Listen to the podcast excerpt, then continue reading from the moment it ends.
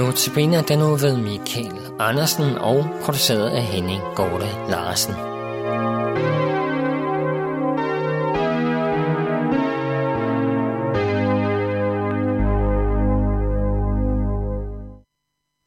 Vi skal i dag læse fra Isaias bog, kapitel 6, og vi læser de første syv vers, hvor der står sådan her.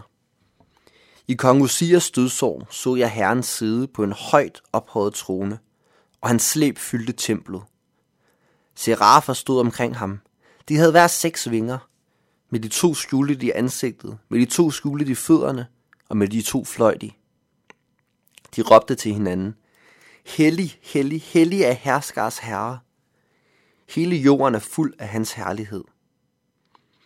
Deres råb fik dørtapperne til at ryste, og hus fyldtes med røg. Da sagde jeg, ved mig, det er ude med mig. For jeg er en mand med urene læber, og jeg bor i et folk med urene læber, og nu har mine øjne set kongen, herskars herre. Men en af seraferne fløj hen til mig. I hånden havde han et stykke glående kul, som han havde taget fra alderet med en tang. Han berørte min mund og sagde, Nu har dette rørt dine læber, så din skyld er fjernet, og din synd er sonet. Lad os bede. Hellige Gud, tak at vi får lov at komme til dig på trods af det, vi har gjort. Lad os i dag få øjnene op for din hellighed, og lære at leve, som du vil, at vi skal. Amen. I går der så vi i andagten på kong David, der regerede over hele Israel fra Jerusalem. Efter ham kom hans søn Salomo til magten, men på grund af interne stridigheder så blev landet efter kong Salomo delt i to. Juda i syd og Israel i nord. Esajas, som vi møder i dag, han lever i sydriget, øh, hvor kong Usia er konge i Jerusalem. Men der er altså kun en del af det Israel, der var tidligere. Teksten, vi læste her, den er fra det øh, afsnit, hvor Isaias bliver kaldet til at være profet af Gud, og hvor han på en særlig måde bliver udrustet til sin tjeneste. Jeg har valgt at tage den her tekst med i ugens andagter, fordi den tager fat om noget af det ved Guds væsen, som både er svært at forstå, men som samtidig er meget vigtigt. Nemlig det, som seraferne råber, og det, som vi sang lige inden andagten. Hellig, hellig, hellig. Gud, han er hellig. Hvis man slår ordet op i en ordbog, så betyder det noget i retning af, at han er ubeskadiget.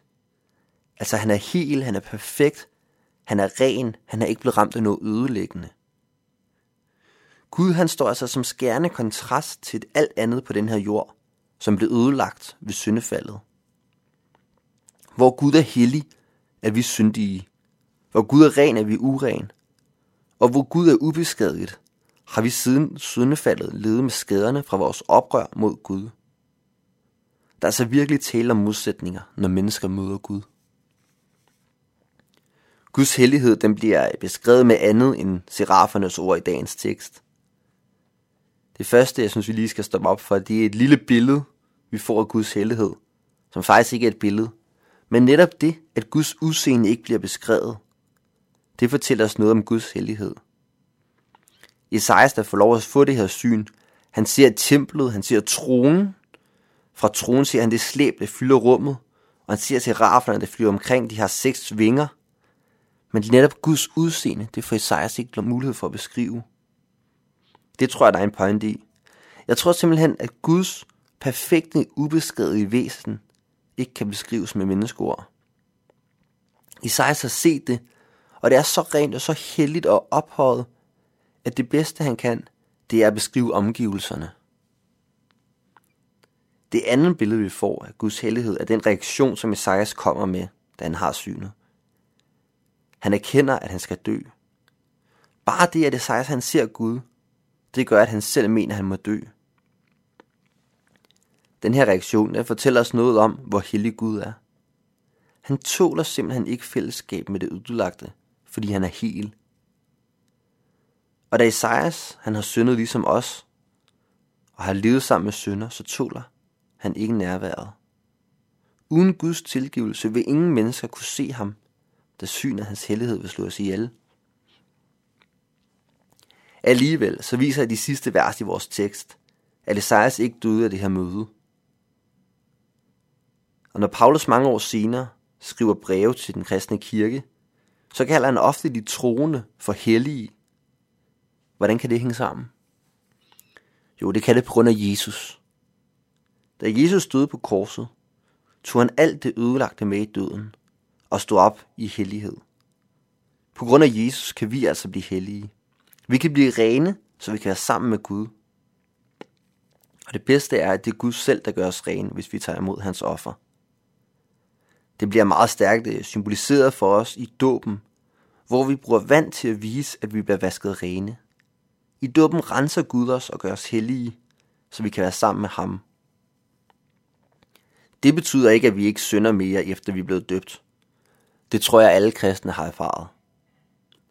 Men det betyder, at Gud har valgt os og vil gøre os hellige. Det starter dåben, det starter i dåben, og det er en proces, der fortsætter resten af vores liv.